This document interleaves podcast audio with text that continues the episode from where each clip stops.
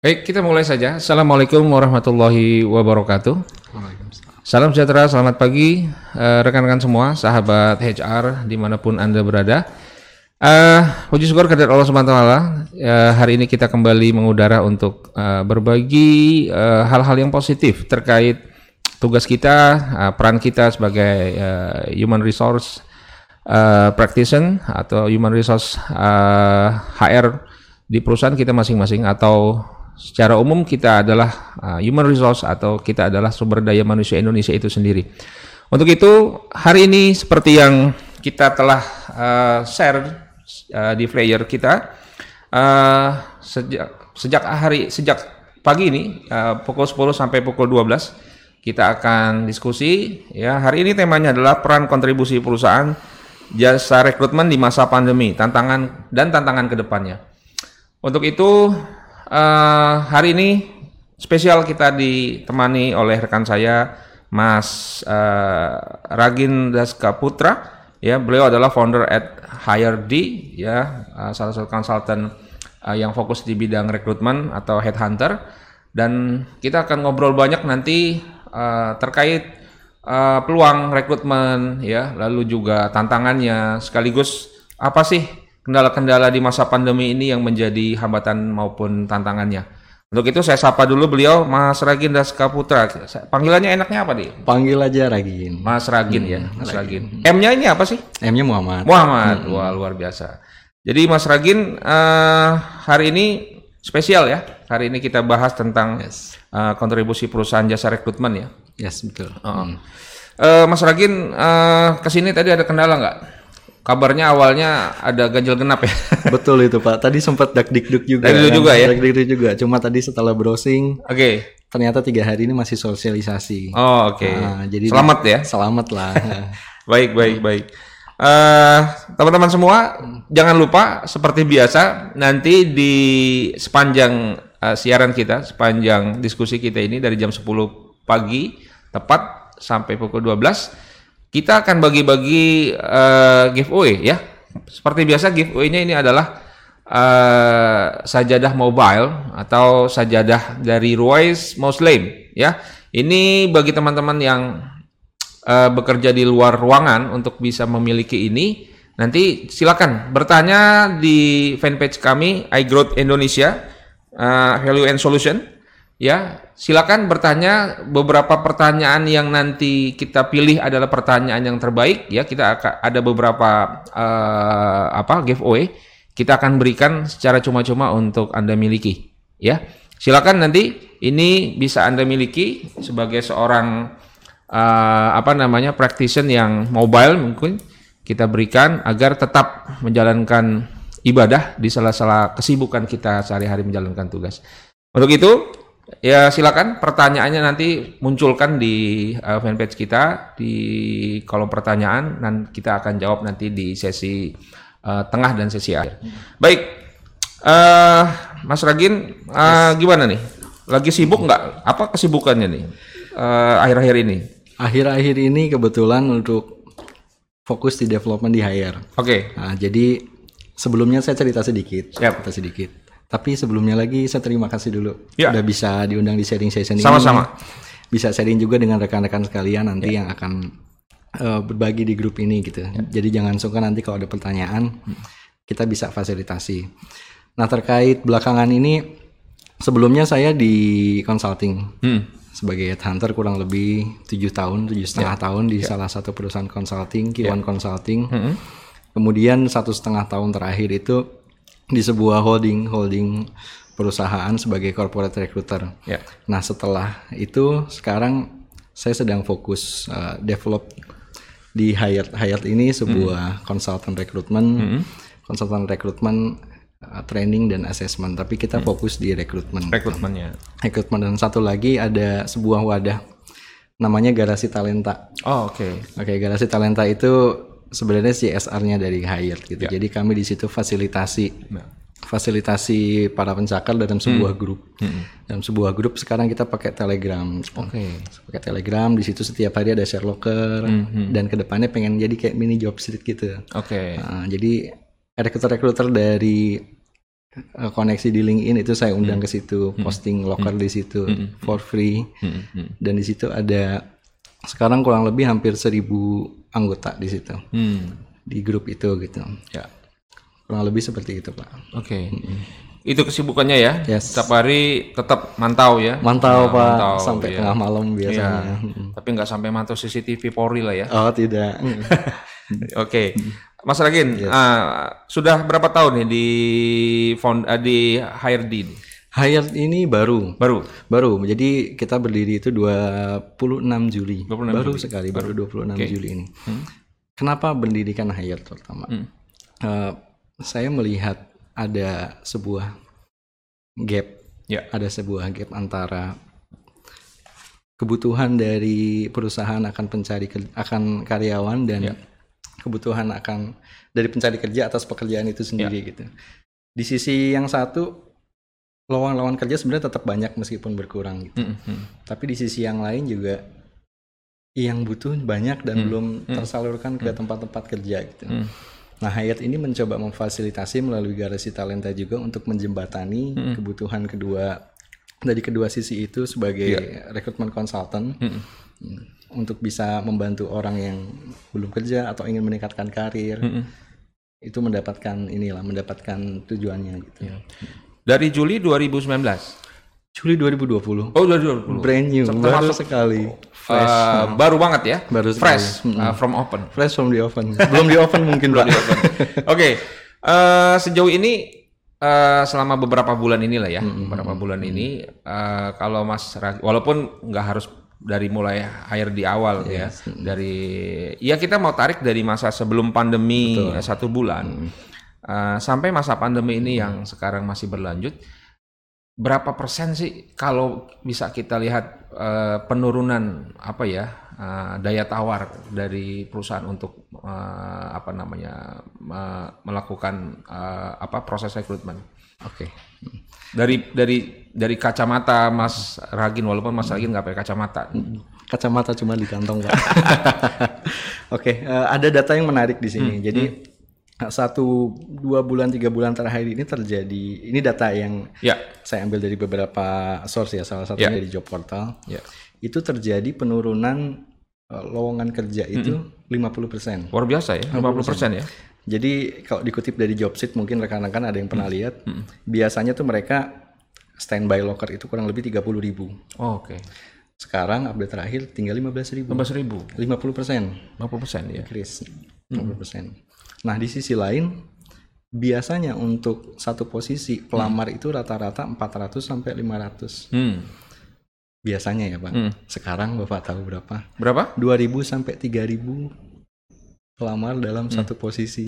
Jadi kebayang bagaimana persaingannya, bagaimana eh, mungkin tantangan bagi para job seeker ini dalam mendapatkan pekerjaan gitu. iya Sampai di LinkedIn itu kalau kita perhatikan LinkedIn sekarang tuh Ya. rame banget. kami banget Rame banget sama eh, orang yang eh, sekarang fokus ke personal branding. hmm. Mereka dengan hashtag talent ready, open to work itu uh, benar-benar menjadi LinkedIn benar-benar menjadi wadah untuk uh, personal branding mereka gitu.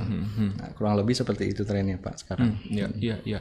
Kalau boleh dispesifik, ma- makin menarik nih. Seba- Kalau boleh dispesifikkan, jabatan apa yang hampir-hampir minim banget untuk di eh, apa namanya di hire oleh perusahaan. Di intinya perusahaan yang tadinya mungkin di masa normal kemarin eh, sebelum pandemi itu ya ada aja tuh eh, atau populasinya permintaannya lumayan atau bak- bahkan banyak tiba-tiba hari ini kendor gitu. Oke, ini menarik. Pertanyaan Iya, menarik iya, Pak. iya. Nah, saya juga sampaikan data. Jadi ada posisi-posisi tertentu yang justru naik juga. Mm-mm, Banyak, ya. makin banyak. Hmm.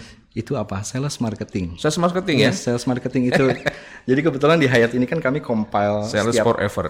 sales forever, sales everywhere. Iya benar. Jadi setiap hari ini kan kami compile kurang lebih Hmm. 150 sampai 100 locker gitu. Ya. Eh, 70 enggak 70 persen, 65 persen kurang lebih itu lokalnya tentang sales marketing. Hmm. Dari mulai yang B2B maupun yang retail maupun yang canvassing. Hmm. Dan yang menarik adalah semakin banyak eh, lowongan-lowongan untuk digital marketing. Digital marketing. Yes, digital marketing. Karena mungkin ada pergeseran ya Pak ya, pergeseran dari sebelum yang konvensional, kemudian sekarang ke arah digital. Nah, di- digital marketing itu pun spesifikasinya spesifikasinya macam-macam lagi. Ya. Ah, tapi memang arahnya ke digital marketing. Oke. Satu posisi juga yang sekarang banyak dicari itu satu scoop ya, scoop Ya. itu IT. Hmm. IT ini mungkin demand demandnya banyak gitu, Hmm. Hmm. terutama untuk programming e-commerce itu semakin banyak gitu. Ya. Di sisi lain, saya juga mendapati bahwa eh, person-person IT, profesional IT mungkin eh, banyak yang belum siap ke arah situ. Oke. Untuk itu perlu di perlu ada skill up juga gitu. Nah, balik ke posisi yang turun. Ya. Posisi yang turun. Ini nih ditunggu-tunggu kayaknya ya. Ditunggu-tunggu ya. Nah. Eh, secara spesifik sih eh, tidak ada posisi tertentu yang turun. Ya. Cuma secara garis besar, fu- yang fungsi-fungsinya itu support, Ah, itu ya. fungsi-fungsinya supporting. Misalnya di HR, HR, misalnya di accounting, accounting.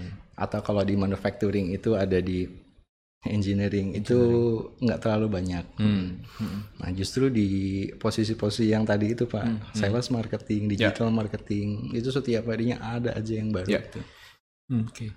Menurut Mas Ragin kenapa nih permintaan ini di masa COVID ini Mm-mm. atau nggak tahu nih lanjut gak di masa new normal nggak ngerti juga gitu nih.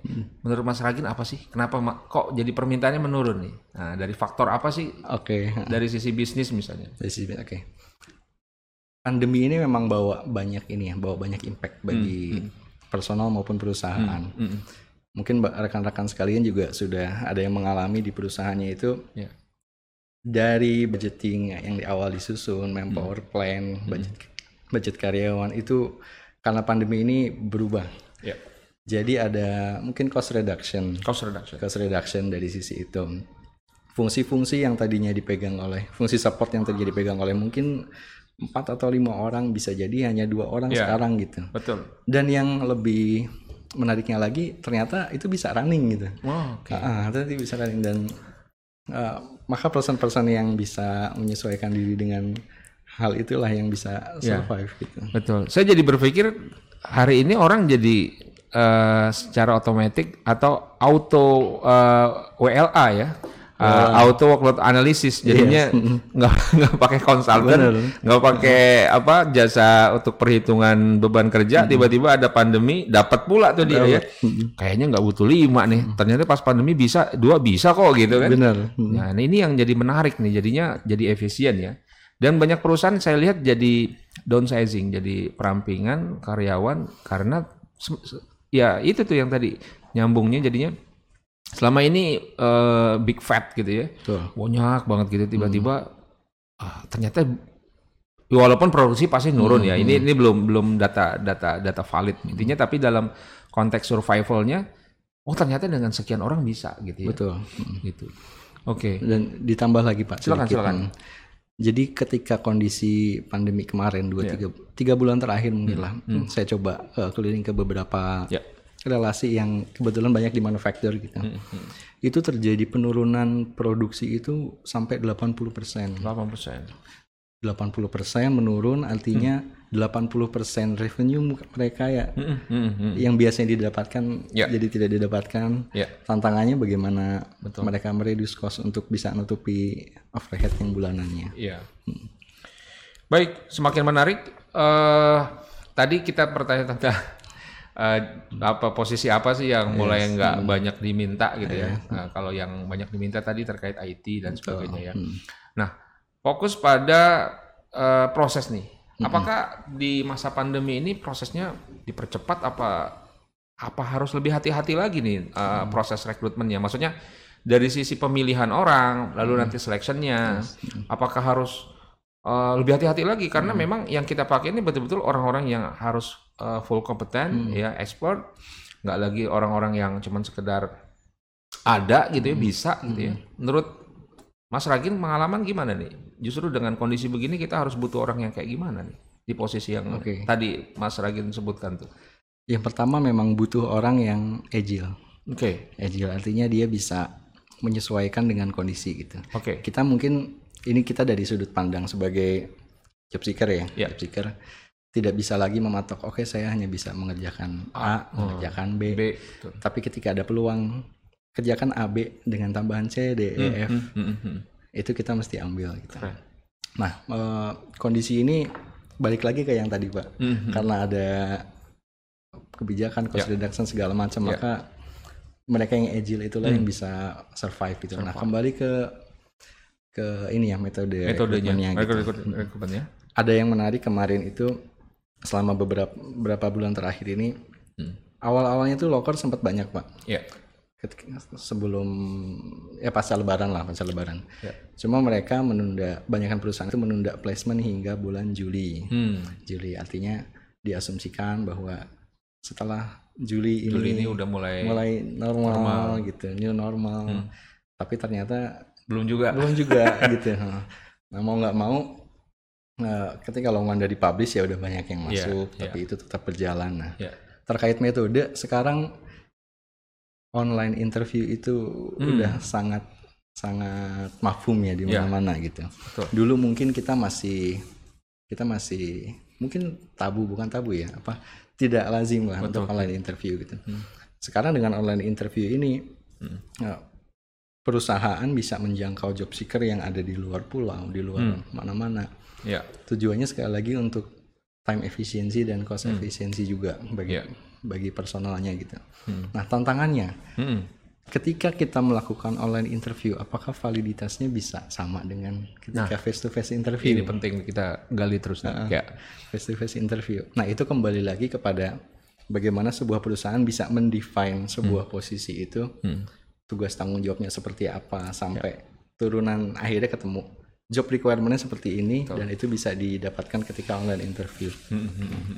Tantangannya ke situ pak. Oke. Jadi online interview yang tadinya dianggap misalnya sebagai ban serep, Hmm. ya misalnya ya kondisi antara perusahaan dengan calon karyawannya jauh mungkin Hmm. dulu ya. Sekarang bukan hanya jauh, tapi memang tidak dimungkinkan dengan eh, apa Temu langsung. standar protokol kesehatan Yes, nggak mungkin betul. bisa langsung misalnya. Akhirnya jadi core nih ya. Betul. Jadi core. Baik. Tadi bicara tentang interview. Hmm. Nah, teknis proses. Ah, tadi lebih kepada kita sudah dapatkan apa orang-orang yang bahasa ya secara umum sekarang kita bilang agile, orang yang multi talent, Yes. Tidak hanya satu aja bisa cuma benerin AC gitu ya Hmm. atau teknisi tertentu, tapi dia harus bisa beberapa ah, hal yang bisa dia lakukan. Betul. Nah, eh, apakah bisa terlihat nih? Tadi Mas eh, Ragen juga bilang di CV mereka atau di secara umum di LinkedIn mereka juga taruh personal branding mereka. Bisa kelihatan nggak sih kalau di proses itu dari awal selection ya? Hmm. Eh, apa atau mungkin pas proses eh, ketika tadi proses interviewnya kita gali dan bagaimana sih proses menggalinya agar kita dapat nih orang-orang yang wah ini nih orang multi talent nih. Hmm. karena agak gampang tuh karena kan harus observ- observasi atau apa. Tapi itu nggak mungkin nih di kondisi begini. Nah Betul. gimana nih tips uh, triknya untuk melihat orang-orang yang agile tadi atau yang multi talent Oke, ini menarik pak. ya. Ini kita kembali ke uh, sebuah data untuk validitas seleksi gitu. ya Kita kan mengenal beberapa proses seleksi, beberapa metode ya, dari mulai tes tertulis Ya. atau tes psikotes, kemudian ada interview. Interview pun ada yang structured, ada yang Ya. ada yang lepas gitu. Ya. Ada yang behavioral event interview dan ada assessment center juga. Nah, kalau kita mengacu ke sana, tetap uh, sebuah interview yang disusun berdasar berbasis kompetensi itu menjadi satu metode yang cukup valid untuk menilai seseorang gitu. ya Artinya sebuah jabatan harus benar-benar didefine dulu kompetensinya. ya A, B, C, D-nya apa dan itu dituangkan ke dalam bentuk pertanyaan ketika interview. Hmm. Itu bisa diaplikasikan ke online bisa. Ya. Dan saya juga sudah sudah discuss dengan beberapa rekan interviewer, recruiter. Hmm. Itu bisa diaplikasikan ke online gitu. ya Nah, di sisi lain ada metode lain yang tadinya offline, misalnya kayak psikotes. ya Itu pun jadi online juga. Jadi online Nah, juga. jadi online juga psikotes online gitu. Hmm. Nah, itu komplement saja gitu. Cuma intinya kembali ke kompetensi based interview itu. ya Artinya setiap perusahaan dengan uh, model sekarang yang online gitu. Mungkin kalau online uh, kita memang ada kurang ada sedikit aspek yang tidak bisa kita tangkap eh, dibandingkan dengan face to face, ya. face, Hmm. ya. Ketika kita ketemu langsung kan kita bisa ngelihat pembawaannya gimana, Gesturnya. gesturnya. Ketika dia berhadapan langsung dengan orang kayak gimana gitu. Betul. Tapi ketika online, hal-hal tersebut mungkin tidak bisa kita tangkap secara langsung, Ya. tapi bisa digali ketika kompetensi itu sudah didefine dengan matang. Oke. Hmm. Jadi pentingnya perusahaan menurunkan kompetensi sebuah jabatan untuk di Hmm, hmm, untuk diterjemahkan ke dalam sebuah proses interview itu, Pak. hmm, hmm, hmm, hmm. Baik. Eh, saya mau masuk ke tadi ke kompetensi langsung tadi karena pertanyaan saya sebelumnya lebih kepada milih orang yang eh, multi talent tadi ya, yang kompetensinya nggak hanya satu. Eh, memang di online interview kita terbatasnya tadi nggak bisa ngelihat angle dari beberapa sisi ya. Hmm, Betul. Ah, bahkan kalau kameranya juga kamera standar kita nggak bisa ngelihat raut muka merahnya atau birunya ketika ditanya menohok gitu kan. Nah ini penting bagi kita. Eh, kita defining dulu ya, kita definisikan dulu pertanyaan-pertanyaan kepada eh, kebutuhan kompetensi dia. Betul. Nah, waktunya masalah. Waktunya cukup nggak sih? Saya saya pikir kalau offline aja kayaknya untuk menggali itu butuh kalau ya selama ini pengalaman sama ya, mungkin setengah jam gitu ya. Uh, bisa lebih gitu ya, apalagi di posisi yang agak cukup uh, dibutuhkan multitask, multi talent. Nah, rata-rata di online uh, interview ini untuk menggali tadi dengan yang sudah kita defining tadi uh, ke arah kebutuhannya berapa lama sih per kandidat tadi? Oke. Sedikit agak lebih lama. Mungkin sekitar 45 menitan. Hmm. Karena kenapa? Karena ada beberapa hal yang tadinya bisa kita asumsikan secara langsung Ya. dari sisi gestur segala macam. Hmm. Itu menjadi tidak bisa kita asumsikan secara langsung. Betul. Nah, solusinya adalah ada kan ada pertanyaan-pertanyaan Ya, lain betul. uh, yang men- yang menggali behavioralnya dia gitu. Hmm. Dan itu akan menambah list interview gitu. Jadi interviewnya juga mesti sabar-sabar juga. Iya, apalagi kalau ketemunya yang introvert ya. Ya, yes, betul. Ha.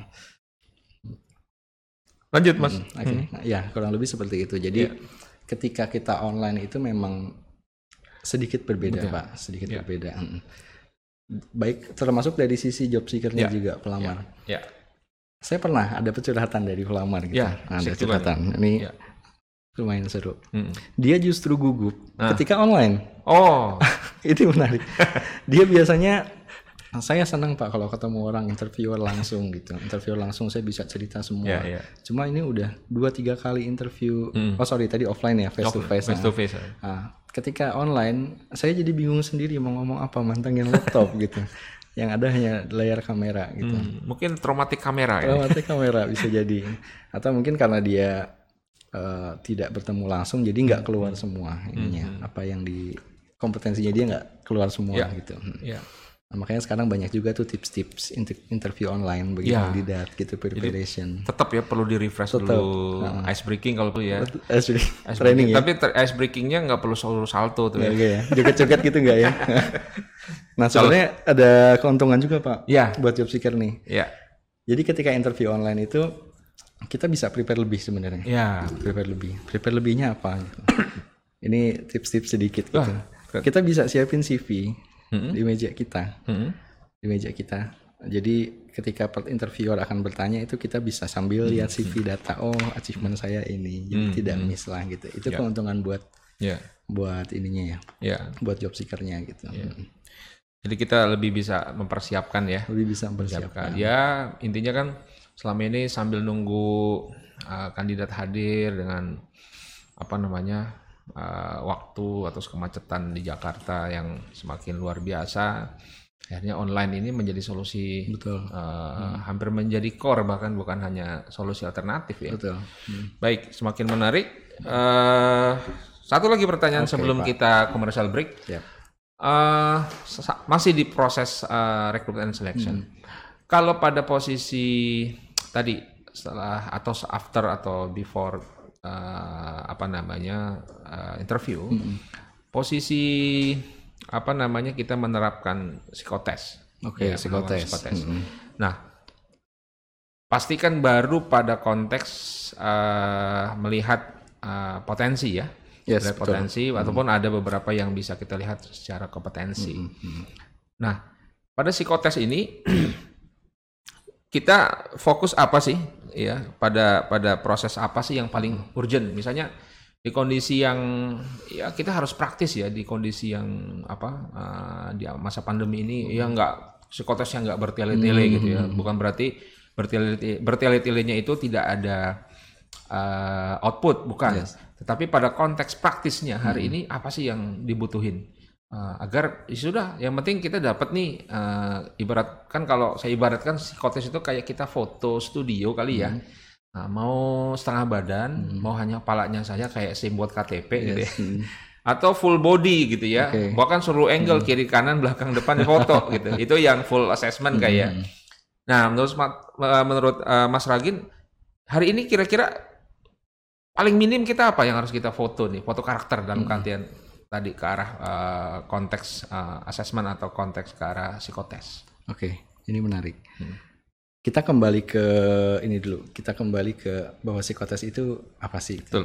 Nah, psikotes ini kan sebenarnya macam-macam ya Pak, psikotes ya gitu. Ya. Tes psikologi gitu. Cuma yang utama yang tetap perlu digali itu adalah dari sisi personality. Personality. Personality uh, konkretnya lagi kalau ini menurut saya pribadi itu ke gaya sosialnya dia. Hmm. Karena itu yang mungkin tidak tertangkap secara langsung Betul. ketika online interview Ya. banyak toolsnya sih pak Hmm. cuma salah salah dua yang populer itu ya ada di ISC ada MBTI Ya. kadang-kadang ada pertanyaan gini juga psikotes itu bisa nggak sih dipelajari Ya. kuncinya kan udah di mana-mana di Google gitu Ya. untuk hal-hal tertentu itu bisa Hmm. gitu. misalnya ya tes intelijensi dan lain-lain gitu Hmm. cuma memang ada beberapa hal yang ada beberapa tes psikologi yang konteksnya itu bukan benar salah tapi Betul. Uh, cerminannya bagaimana. Nah, itulah yang bisa dipakai untuk perusahaan, misalnya pakai D- DSC atau MBTI tadi gitu. Ya. Dan ini sudah makin praktis juga, bisa online juga. Bisa online juga, ah, ya. Bisa online juga. Oke. Nah, semoga dari situ tuh bisa ketangkap beberapa gambaran yang mungkin Hmm. Hmm. uh, tidak tidak tercapture ketika interview, Hmm. tetapi dari situ ada data pendukung. Ya. Mungkin bukan satu-satunya alat, tapi itu bisa jadi data, Data pendukung. pendukung. Hmm. Tujuannya mapping kali ya. Mapping, betul. Bukan benar salah ya. Betul, Kalau benar salah itu soal matematika ya. Betul. Nah, jadi lebih kepada mapping siapa karyawan ini secara karakter, potensi dan Betul. sebagainya.